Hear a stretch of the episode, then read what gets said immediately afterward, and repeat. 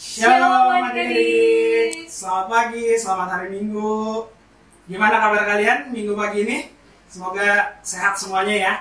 Eh, kita pada pagi hari ini akan menyampaikan renungan firman Tuhan. Di sini cuma bukan cuma ada kakak, tapi Kak Esther juga.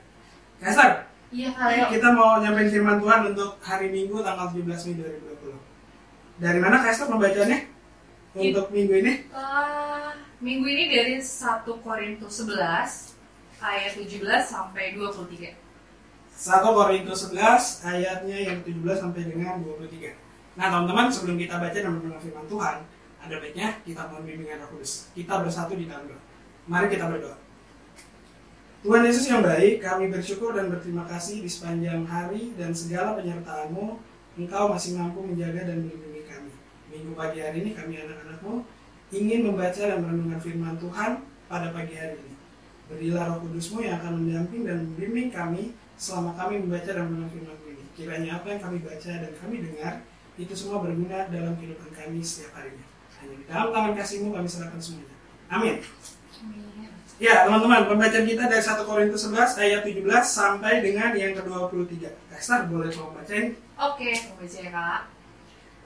Kebiasaan-kebiasaan yang salah dalam perjamuan malam. Dalam peraturan-peraturan yang berikut, aku tidak dapat memuji kamu.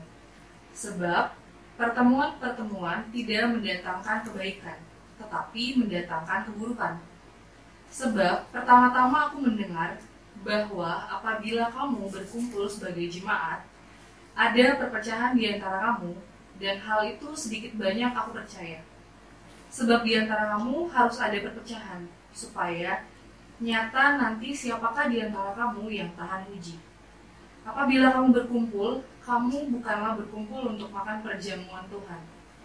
Sebab pada perjamuan itu tiap-tiap orang memakan dahulu makanannya sendiri, sehingga yang seorang lapar dan yang lain mabuk. Apakah kamu tidak mempunyai rumah sendiri untuk makan dan minum? Atau maukah kamu menghinakan jemaat Allah dan memalukan orang-orang yang tidak mempunyai apa-apa? Apakah yang aku katakan kepada kamu, memuji kamu? Dalam hal ini, aku tidak memuji. Sebab apa yang telah kuteruskan kepadamu, telah aku terima dari Tuhan, yaitu bahwa Tuhan Yesus pada malam waktu ia diserahkan mengambil roti. Ya, terima kasih Kaisar. Sedemikian jauh untuk pembacaan firman Tuhan pada pagi ini teman-teman. Nah, di pembacaan kita pada pagi hari ini masih ada kaitannya nih teman-teman. Masih berlanjut dari yang minggu kemarin Kaisar. Masih Kalau minggu lalu kita bahas tentang Minggu lalu itu kita bahas tentang menegur dengan dengan kasih ya. Nah, ini masih pelayanan Rasul Paulus juga di kota Korintus. Nah, kali ini Rasul Paulus ingin eh, boleh juga dikatakan menegur sih, memperingatkan jemaat yang ada di Korintus. Hal-hal apa aja yang sebenarnya bisa menimbulkan perpecahan dalam persekutuan Kristen.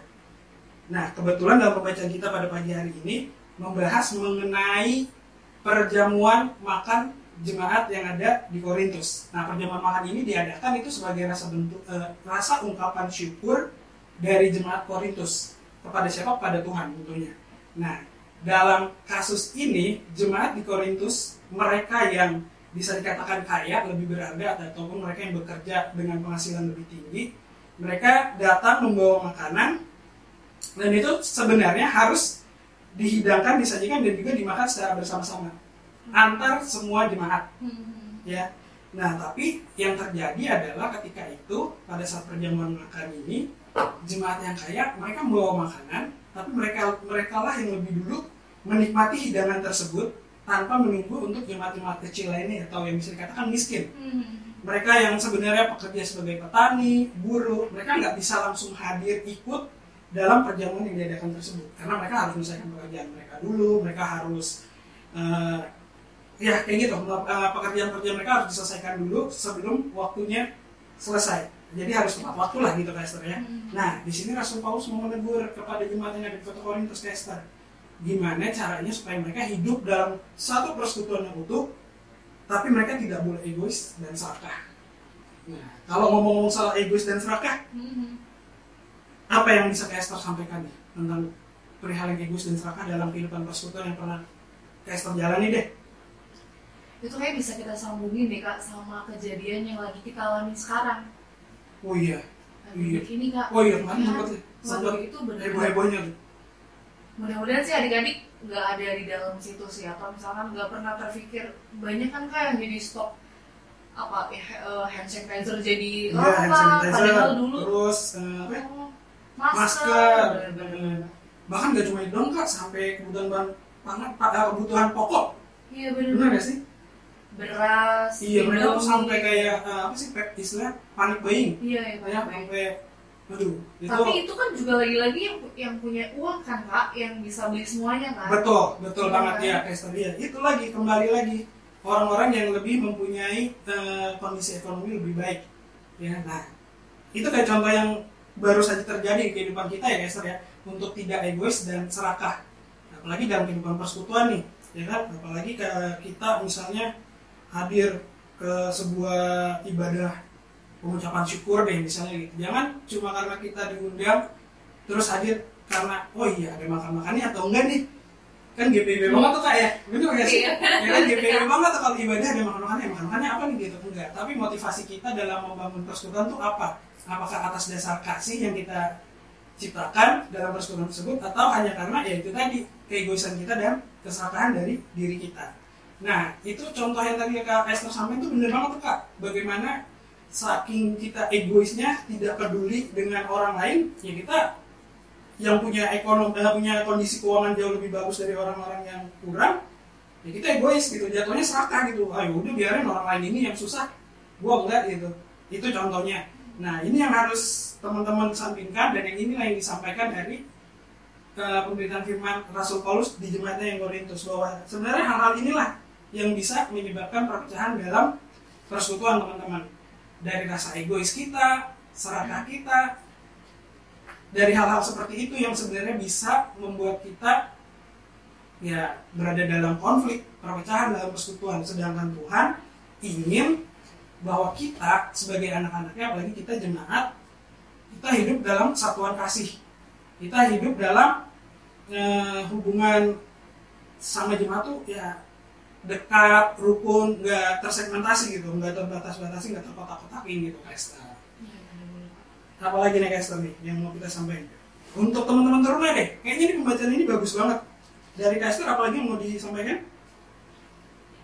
Mungkin juga jadinya eh, jadi eh, dari yang kita eh, menghargai orang jadinya tuh kita jadi bisa terbentuk nggak sih kak? Jadi adik-adik teruna tuh harapannya setelah tahu firman ini jadinya bisa lebih pribadi yang lebih baik lagi menghargai orang. Betul. terus eh, aku suka sih kak yang kayak anak-anak muda yang sekarang udah banyak dia eh, menyumbangkan sedikit uang yang dia punya atau bahkan bagi-bagi ap- apa kak? Hmm, bagi-bagi apa ya berkat lah. Hal yang yang yang ya dari sedikit. Terus mereka kan udah banyak tuh kak yang gadget-gadget kan. Oh iya betul. terus ya baik lumayan bagus sih kak. Dan ternyata adik-adik sih harusnya setelah habis ini karena ini pas banget kak. Pas Iya. banget. Dengan keadaannya. Dengan keadaan kondisi kita sekarang ya Mhm. kita lebih diajak untuk peduli bukan egois. Jadi teman-teman teruna belajar lagi kurangi yang namanya keegoisan yang ada di dalam diri kita. Kita yang tadinya pribadi egois itu udah mulai kita hindari. Bahkan hilangkan dari kehidupan kita. Karena ya itu tadi di, di tengah situasi kayak sekarang ini pembelajaran hidup yang momen yang pas banget sebenarnya guys ya. Mhm. buat kita untuk bisa tidak egois, lebih menghargai orang lain, terutama ya itu tadi lebih mengasihi lah supaya hidup bukan hanya dalam persekutuan, tapi bisa di dalam keluarga, dalam lingkungan lebih luas, dalam masyarakat, dalam pergaulan kita tidak ada perpecahan, tidak ada konflik. Jangan sampai hanya karena ego itu kita kehilangan teman, kehilangan persaudaraan, kita kehilangan sahabat-sahabat kita, hanya karena ya ego sendiri. Jadi sebisa mungkin teman-teman teruna belajar dari firman Tuhan bagi ini untuk lebih menahan ego dan tidak serakah. Jangan sampai seperti jemaat di Korintus tadi yang sampai pada akhirnya ditegur dulu sama Paulus. Gitu, Esther. iya untung udah tegur Paulus ya kak Iya, kalau Tuhan yang tegur, aduh berabe dong, banget. ya gitu teman-teman untuk firman Tuhan pagi ini sedikit banyaknya mungkin bisa teman-teman pelajari lagi teman-teman baca lagi atau bisa teman-teman gali lagi mengenai arti dari keegoisan dan keserakahan dalam kehidupan persekutuan. Sebenarnya bukan hanya persekutuan sih, jauh lebih luas dari persekutuan. Ya, di mana pun teman-teman berada, di mana nanti Tuhan, eh, Tuhan menempatkan teman-teman, di situ teman-teman harus hadir sebagai anak-anak Tuhan yang membawa damai dan memberikan kasih. Spread the love. Wow. Tuh. Tapi kak kalau misalnya tiba-tiba nih kita ngeliat ada teman kita yang kayak gitu, Hmm. Em, misalkan di luar di luar keadaan pandemi gini, misalkan ntar udah normal lagi, terus habis itu ada temen yang dia serakah banget. Misalnya Balik dia- lagi ya, iya. Kita harus gimana sih kak? Iya biasa tuh itu pertanyaan ada kita yang suka kalau misalnya mungkin kita ibadah langsung pasti Hmm. nanya kita harus gimana kak kalau kita ngeliat kayak gitu kita padahal nggak kayak gitu gimana tuh kalau Nah, kita kan sebagai anak-anak Tuhan ya, kita dibentuk berdasarkan kepribadian dan karakter Tuhan. Kalau memang sudah 100% ingin jadi anak Tuhan, Tuhan kan minta cuma kita untuk berbuat kasih, berbuat kebaikan segala macam. Nah, perbuatlah itu bukan hanya ketika situasional aja di momen-momen tertentu atau kalau bisa kita lakukan itu sampai kesudahannya nanti kehidupan kita pertahankan itu jangan kita lakukan supaya cuma dilihat mama papa Iya. Jangan kita melakukan cuma supaya dapat pujian dari orang. Hmm. Jangan kita Pencitraan, tuh Kak, banyak banyak banget kayak gitu. gitu. biar ngasih terus di storyin gitu. Nah, Kan, iya Kak? kayak kan? gitu. Ya. Nah, itu hal-hal yang kayak gitu kan kadang mungkin kepuasan pribadi kita benar nggak sih itu Tapi ada orang bahaya benar. Iya. Ada orang lain yang ngerasa ini apa sih orang pamer deh Iya, hidupnya. iya. Ya kan kebanyakan pamer gitu. Lagi Instagram tuh orang kan langsung mengatakan Instagram tuh tempatnya pamer yang paling Iya. pas. Nah kalau bisa ya kalau kita memberi kan kalau dalam firman Tuhan mengatakan memberi dengan tangan kiri, tangan kanan Nggak boleh nggak tahu. boleh tahu. Kita memberi dengan ketulusan hati kita, menolong, membantu dengan ketulusan hati kita, bukan tanpa adanya harapan imbalan di balik apa yang telah kita perbuat tersebut. Mungkin itu yang harus teman-teman ketahui. Kalau kita udah berbuat baik, pertahankan itu sebisa mungkin. Kalau memang ada goyah-goyahnya sedikit wajar, it's okay lah, itu manusiawi, ya kan? Iya bener-bener. Yang penting kalau kita udah ngerasa, aduh kayaknya udah hampir mau eh, ke bawah nih, jangan lupa minta pertolongan Roh Kudus. ya Gitu, kan, bener banget. Jangan terlalu mengandalkan kuasa diri sendiri. Sekuat-kuatnya kita, setegar-tegarnya kita, rapuh-rapuh juga. Karena setan di mana ya? Wah, dan main guys terbanyak ya. Iblis itu modern kak, semakin berkembang zaman semakin Iya maju. bener-bener. Caranya mereka apa? Apalagi yang terbaru tuh sih Apa ya? yang prank-prank itu. Ya kan itu kan masih muda. Itu kayaknya Oh iya, yang si oh ini. Iya kan itu sama banget kak. Case-nya dia bagi-bagi juga. Ah, prank. ya itu. kan? Kalau nah itu nggak Iya, tulus tuh kayak satu namanya. Udah nggak tulus.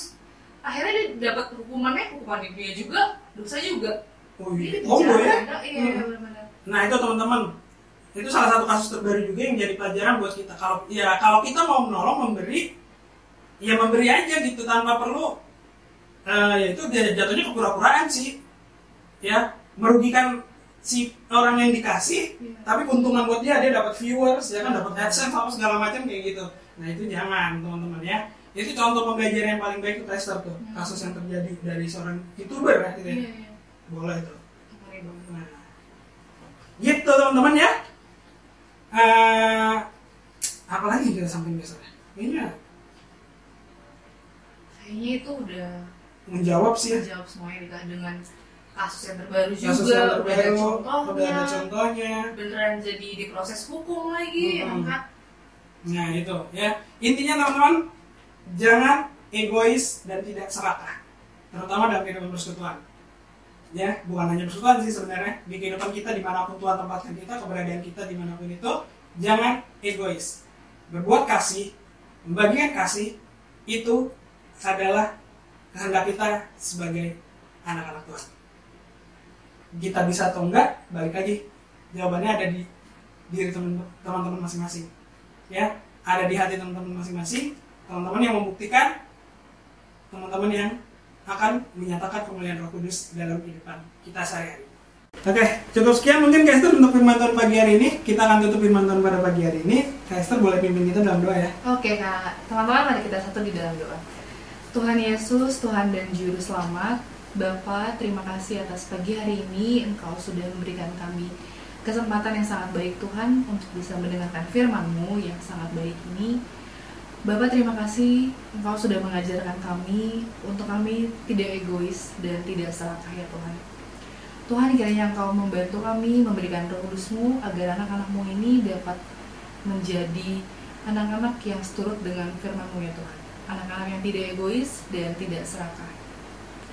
Bapak kami menyerahkan segala hidup kami ke dalam tangan-Mu dan kami juga ingin memberkati dan mendoakan eh, seluruh anggota keluarga kami yang ada di rumah ya Tuhan, seluruh adik-adik yang ada di rumah dan beribadah secara online rumah masing-masing Tuhan.